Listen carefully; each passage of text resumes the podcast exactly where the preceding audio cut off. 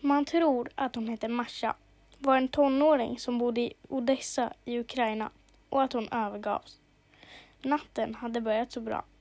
Hon och hennes vänner hade festat, haft roligt med varandra och kanske även flörtat lite.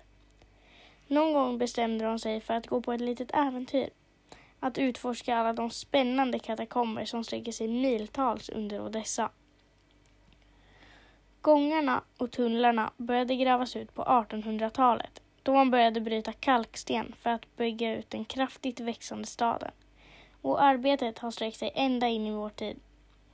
Den perforerade underjorden är ett av skälen till att Odessa, en stad med nästan en miljon invånare, saknar tunnelbana. Det finns över tusen ingångar till tunnlarna, så många är tonåringarna och barnen som utforskat dem och några av dem har blivit kvar för alltid. Jag heter Celine och kommer berätta mer om creepypasta och vad de betyder för mig. Historierna om Masha började cirkulera år 2009 då en användare av forumet Urban Exploration Resource publicerade en lång tråd med bilder från Odessas katakomber. Bilderna var fascinerande.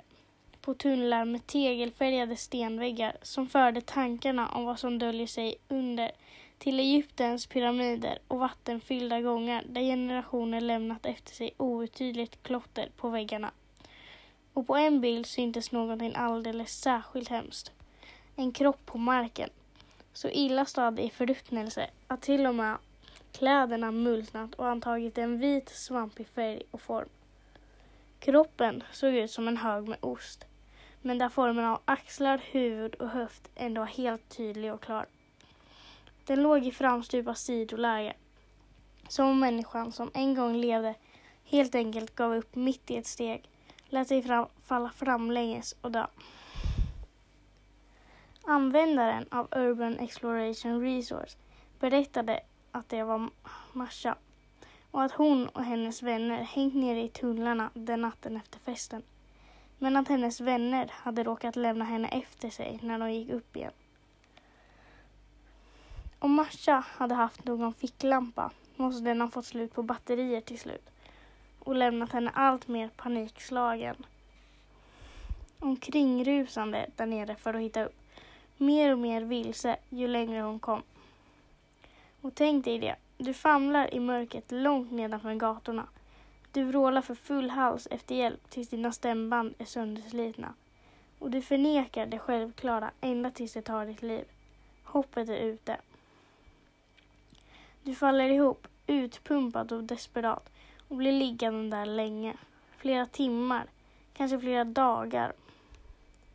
Det sista du hör innan du dör av törst, köld, hunger eller vad det nu är som tar dig är din egen svaga andning. Du är helt ensam. Du har hört Alone med Marshmallow. Den historia jag precis berättat är en av nätets mest kända men också mest tragiska berättelser. Användaren av Urban Exploration Resource berättade att kroppen legat där i två år. Men det är inget man kan veta helt säkert. Ingen vet vad som hänt eller vem kroppen tillhörde. År 2015 försökte tidningen Vice att ta reda på sanningen om kroppen. Men de kunde inte hitta någon Masha som skulle ha försvunnit. Kroppen kan ha tillhört någon av de ungdomar som under 2000-talets första decennium försvann i tunnlarna. Lika gärna som det kan ha varit ett mordoffer. För det har faktiskt hänt att mördare har dumpat sina offer nere i tunnlarna. Vi vet inte. Det enda vi vet är att kroppen tillhört en människa. Precis som du och jag, som fastnat där nere och aldrig kunnat ta sig hem igen. Du har hört I'm not coming back med Husky. Jag hörde talas om Creepypodden en podd med temat creepypasta och spökhistorier för bara något år sedan. Jag började lyssna på avsnitten ett efter ett, varje historia mer intressant än den andra. Vissa avsnitt var såklart lite läskigare och satt kvar i huvudet flera dagar eller veckor efter jag hört dem. Men jag gillar det här med mystik och kusligheter som man inte vet vad det kan vara. Det gör mig ivrig och nyfiken och får mig att vilja höra fler historier. En av mina favoriter heter Källaren. För att inte berätta allt för mycket kan jag säga att man inte är så trygg där hemma som man tror.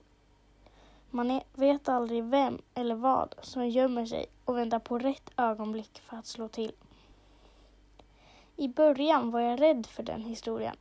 Men jag lyssnade på fler berättelser och började förstå att det inte finns något som vill en ont i alla hem. Att det bara är vissa som har mycket, mycket otur och råkar väcka det där onda. Men det behöver såklart inte vara något ont som bor hemma hos en.